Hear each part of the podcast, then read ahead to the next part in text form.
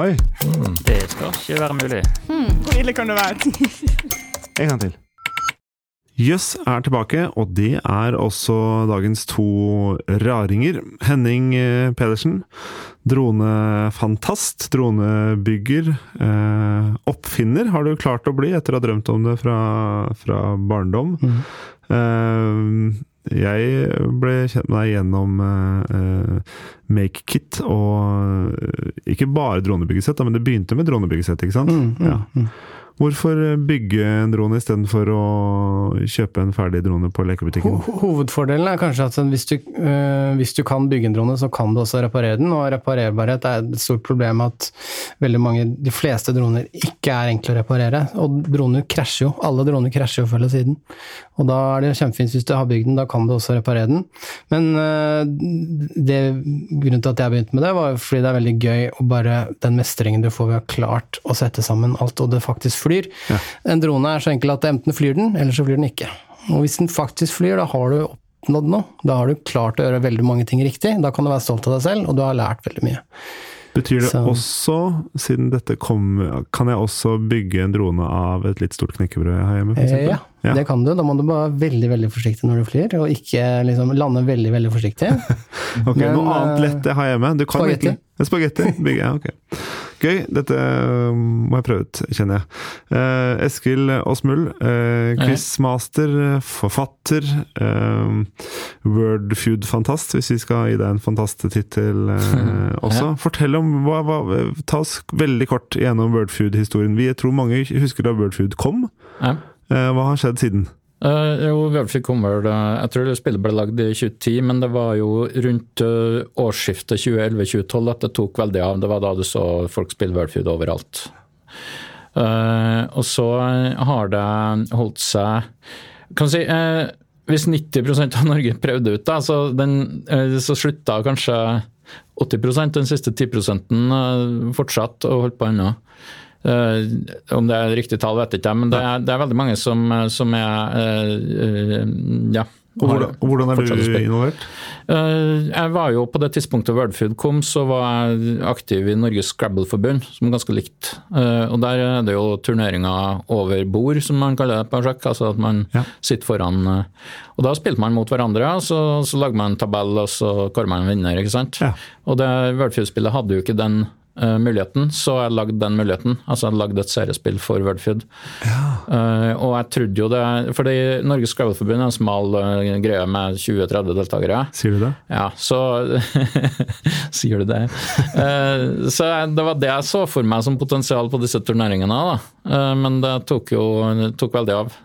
Det ble oppdaga av VG og Dagbladet, og serveren knæla, for det kom så veldig mange. Så, så det er jo 400 000 som har vært innom, og ja, det er underkant av 40 000 aktivt akkurat nå. Ja. Og le du lever delvis av det? Ja, det går an. Eh, Det er bare på, på donasjoner fra brukerne og på reklameinntekt. Så, men eh, det går rundt. Det nok, jeg tror nok et firma som ønska å skvise mer penger ut, hadde klart det ganske fint. Men eh, jeg starta med som, som idealist og ønsker å beholde eh, den biten. Ja. Du er ikke, du er ikke en typisk sitronskviser som skal skvise mest mulig ut. Nei, Nei. så Du slår meg ikke som det, i hvert fall. Nei. Men eh, vi er kommet hit for å fekte med fun facts, vi. Så hvis dere nå, hva skal dere dra ut av slira uh, av eh, kunnskap? Henning? Eh, Jeg skal snakke om eh, droneflyving som eh, meditasjon og reptilhjernens forhold til eh, droneflyving. Ha! Spennende. Eskil? Kanskje noe innen fotballmatematikk? Noe, hvordan, hvordan, man, hvordan man rangerer fotballag matematisk. Oi, også, nå ble jeg også veldig eh, nysgjerrig. Jeg tenkte jeg skulle snakke om eh, et eh, dyr som mm, kanskje ikke har utviklet seg sånn vi tror det har utviklet seg. Som kanskje det, altså, ja, jeg er frista til å kalle det baklengs, baklengsutvikling. Evolusjon. Hm. Så hva vil dere høre om først? Baklengsevolusjon. Ja? Ja. Vi får se, da. Um, altså um, for um, ikke så lenge siden så var jeg og besøkte et akvarium, og da ikke et sånt lite et som man kan ha hjemme, men sånn uh, et akvarium der du går og betaler penger. Uh, og så en hammerhai. Uh, og for deg som ikke umiddelbart får opp et bilde i hodet ditt nå, så ser det litt ut som noen har laget, tatt en, en hai av plastelina tatt et godt grep i kjakene i kinnet, og så bare Eller egentlig i øynene, i øyehulene, og så bare dratt dette plastelina-fjeset til begge sider. Hammerhaiene ligner ikke på andre haier. Ikke veldig. Ser, jeg syns det nesten ser litt ut som sånne fantasidyr. Og vanligvis når dyr har et sånn spesielt utseende eller en spesiell egenskap, så er det fordi det har vært en fordel for dem ikke sant, gjennom tusenvis av år. Eh, sånn at flere som har fått denne mutasjonen, eller arvet denne mutasjonen, eh, overlever eller lager flere barn, eller en eller annen sånn type, type greie. Og da tenker man jo, kan dette breie fjeset ha gjort det lettere å skaffe mat? Eh, f.eks., eller lettere til å overleve, eller lettere til å få mange barn. Sånn tenker evolusjonsbiologer, tror jeg. Jeg tør bare å ta med denne biologifacten, fordi det for en gangs skyld ikke er noen biologer med eh, på, på, opptak. Du er ikke biolog? Eh? Nei. Nei. ble plutselig usikker. For ellers så tør jeg ikke det. Det er jo ikke mitt uh, fagfelt. Men, men um, kanskje det henger litt sammen. Hva, hva tenker dronebyggeren? Det breie fjeset, hvilke fordeler kan det ha? Da tenker jeg altså, navigasjon, at du kanskje kan styre litt rettere. fordi Hvis du hadde hatt et fly, så ville du jo ha vinger for å stabilisere, bare. At du Sant. ikke skal begynne å tilte forover og bakover, men holde deg liksom retningen. Ja, ja, ja, ja. Og så er det det som sitter ytterst på dette hammerhodet, er øynene. Gir også litt sånn uh, dybdesinn. Ja.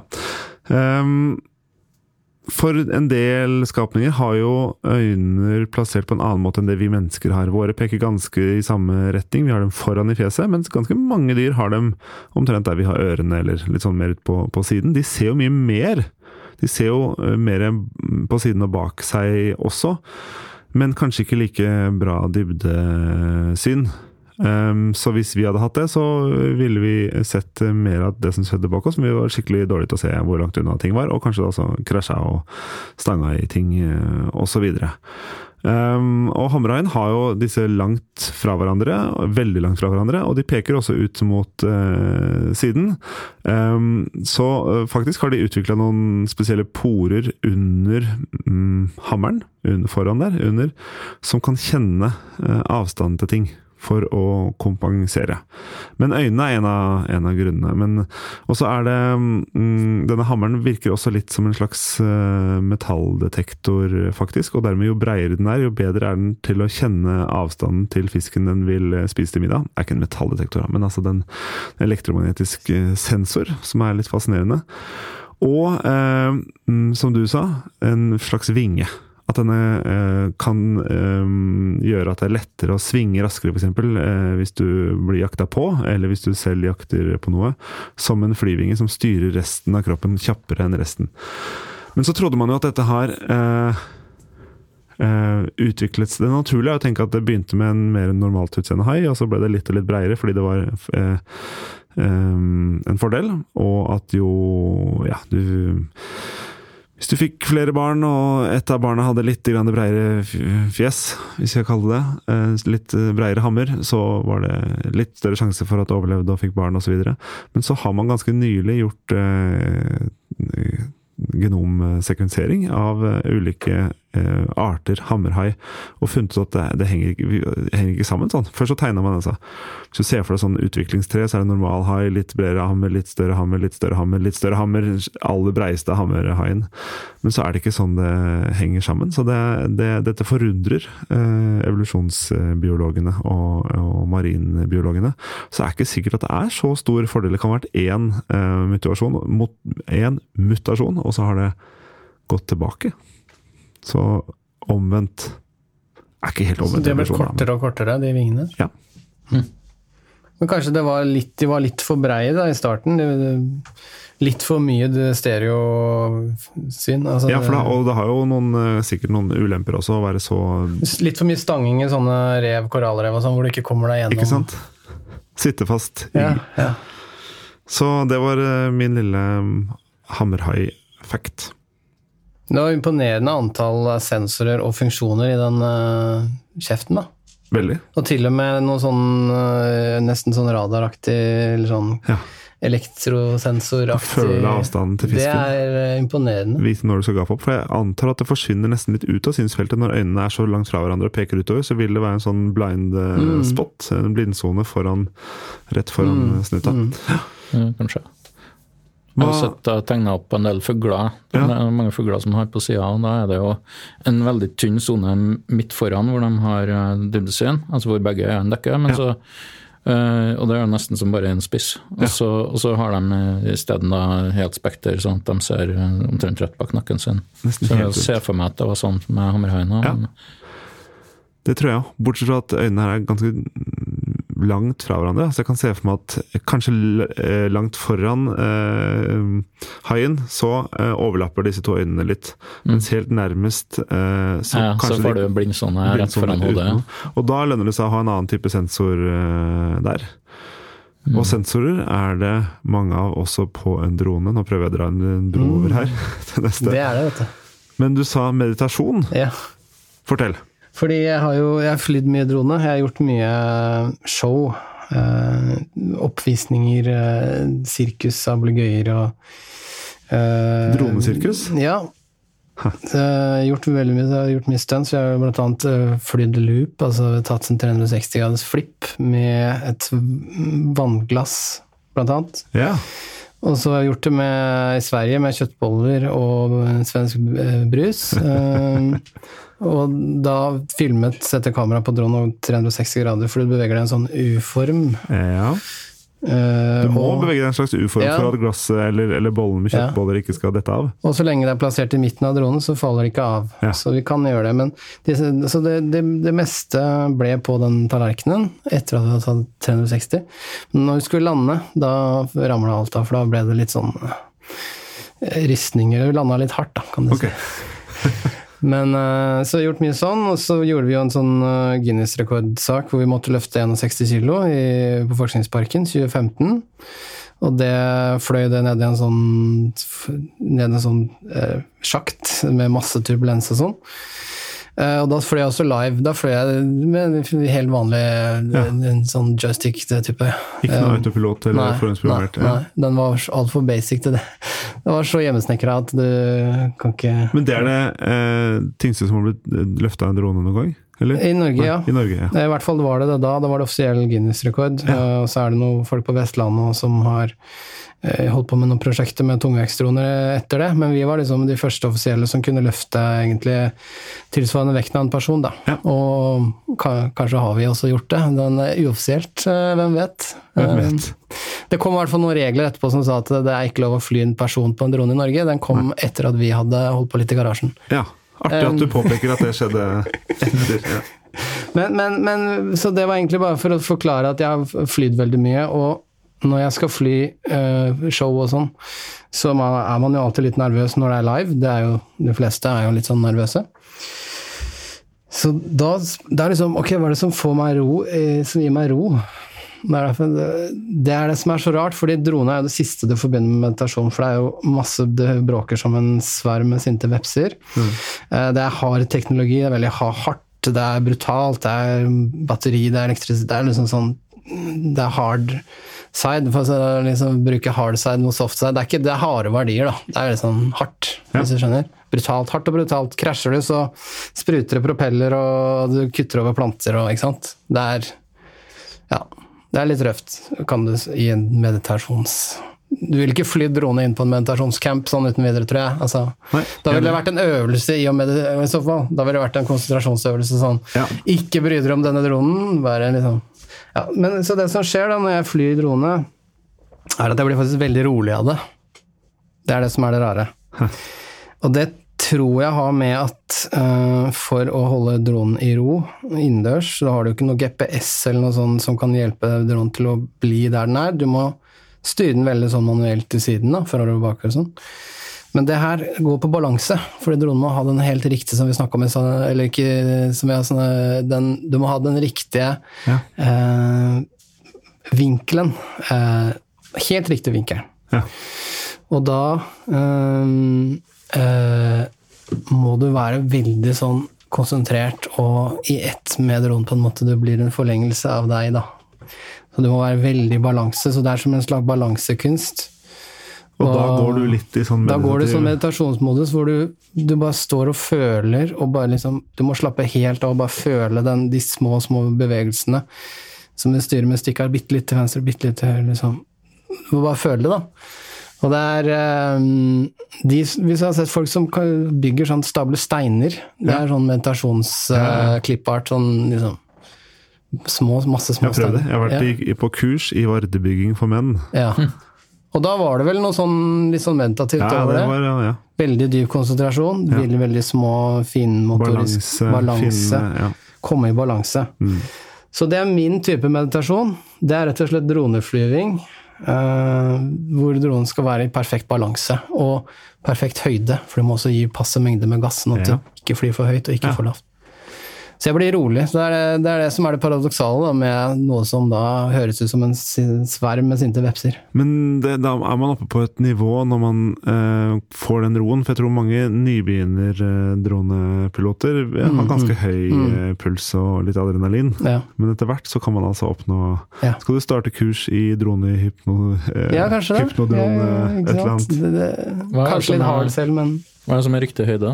Eh, Nei, altså når du er inne, så er det jo bare du vil ha den ca. midt mellom gulv og tak, egentlig. Ja, Eller kanskje sånn øye, litt øye, øye ja, okay. hode. Det er bare handler om å ikke komme bort til Jeg flyr veldig mye innendørs, må jeg si. Um, Jeg, jeg har hørt de klager over deg på kontoret der jeg jobber.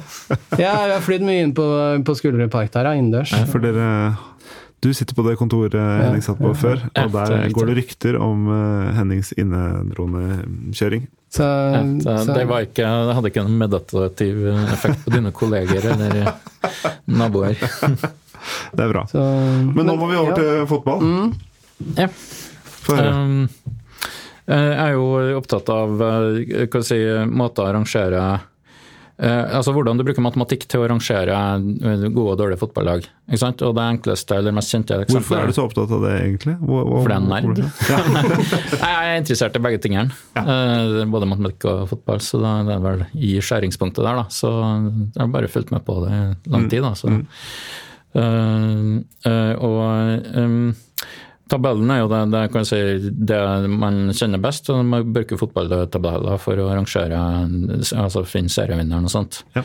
Og, og det er jo ish grei. Jeg, er jo veldig motstander av tre poeng for seier. Det er noe man har innført for å for å, altså Man tror man får mer, mer underholdende kamper, og kanskje det er riktig, men det strider veldig mot logikk at noen kamper er verdt to og andre tre poeng. Det, Ja. Men det er ikke ille nok til at du får helt rusk galt eh, resultat. da. Så det har overlevd. Men et eksempel på hvor galt det kan gå, er jo eh, karibiske cupen.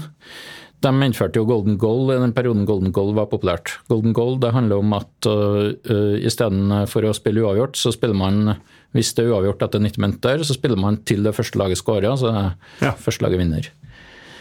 Uh, og så av en eller annen grunn så innførte de at golden goal teller to mål i målforskjellen. så, så det ble da eh, Ja, for å bare biffe det opp for å gjøre det skikkelig golden, tenker jeg. Ja. Eh, og da fikk de jo en, i et gruppespill der, da, så vant eh, vel først Puerto Rico 1-0 over Barbados, og så tapte de 2-0 over Grenada, eh, mot Granada. Og så skulle Barbados og Granada møtes i siste kampen. Og da trengte jo Barbados å slå Granada med to mål for å gå videre. For det var bare ett lag som gikk videre i cupen. Eh, og så spilte de, og så fikk de jo 2-0-ledelse og hadde det greit mot slutten av kampen. Det var på hjemmebane i Barbados. Uh, men så skåra Granada 83. minutt, og da ble det 2-1. 2-1. Ja, og da var Granada videre og Barbados ute på målforskjell. Ja. Fordi uh, da hadde de Granada positiv målforskjell, og Barbados var vel i balanse. Ja. Så de, Barbados trengte jo det neste målet, de angrep i noen minutter. Og så innså de at ok, men hvis vi skårer selvmål nå, da får vi spille golden goal, og den er verdt de to målene vi trenger. Så de snudde mot sitt eget mål, angrep sin egen keeper og skåra med vilje. Hadde de matematikere på laget, eh, eller hvem tror du, hvor ikke. tror du det kom fra? Det var, det var godt tenkt, i hvert fall. Ja. Eh, og da var det tre minutter igjen av kampen, og da fikk du den Da effekten ble at det uavgjort, ikke sant? Ja, det, som, det som skjedde var jo at Grenada da hadde jo tre minutter på å prøve å gjøre noe. Og de kunne skåre begge målene. Ja. Hvis de skåra selvmål, så ble det 2-3, og de var videre på målforskjell. Eh, ja. Og hvis de skåra, så ville de også være videre på, på å ha vunnet kampen. Nei, ja. Så det eneste de måtte gjøre, var å skåre ett Altså Ja, så, og, og Barbados fikk da oppgaven å forsvare begge målene. Så vi fikk en veldig rar fotballkamp da, i noen minutter. Men de greide å holde unna til uavgjort, så ble det golden goal, spill om golden goal, og det De klarte å forsvare begge måla, Ja, de klarte å forsvare begge målene, det var jo bare tre minutter, så men det var to målvakter, eller hvordan gjorde det jeg Det syns, det, jeg syns det er godt gjort. Jeg det har, ikke, jeg har dessverre ikke sett kampen, jeg lurer på om det ikke Jeg har ikke Men, men det, vi, det vi snakker om her, er da en konkurranse i selvmål. Hvem som kan lage flest selvmål. ja, du- ja, ikke helt. Det må Nei. være akkurat riktig antall her. Ja, ok, ja. Så, men, men det ble en ekstrem eh, fotballkamp, og, og årsaken ligger jo i matematikken her. At det er en, en, innført en matematisk uloghet, og ulogiskhet. Ja. Så, men Barbados fikk da golden goal eh, i ekstraomgangene og gikk videre ved å, av at de skåra det selvmålet sitt. Med tilsvarende regler videre i, i denne Ja, Cupen, men, eh, men eh, da fikk de for hard motstand, så var Trinidad Tobago som vant til slutt.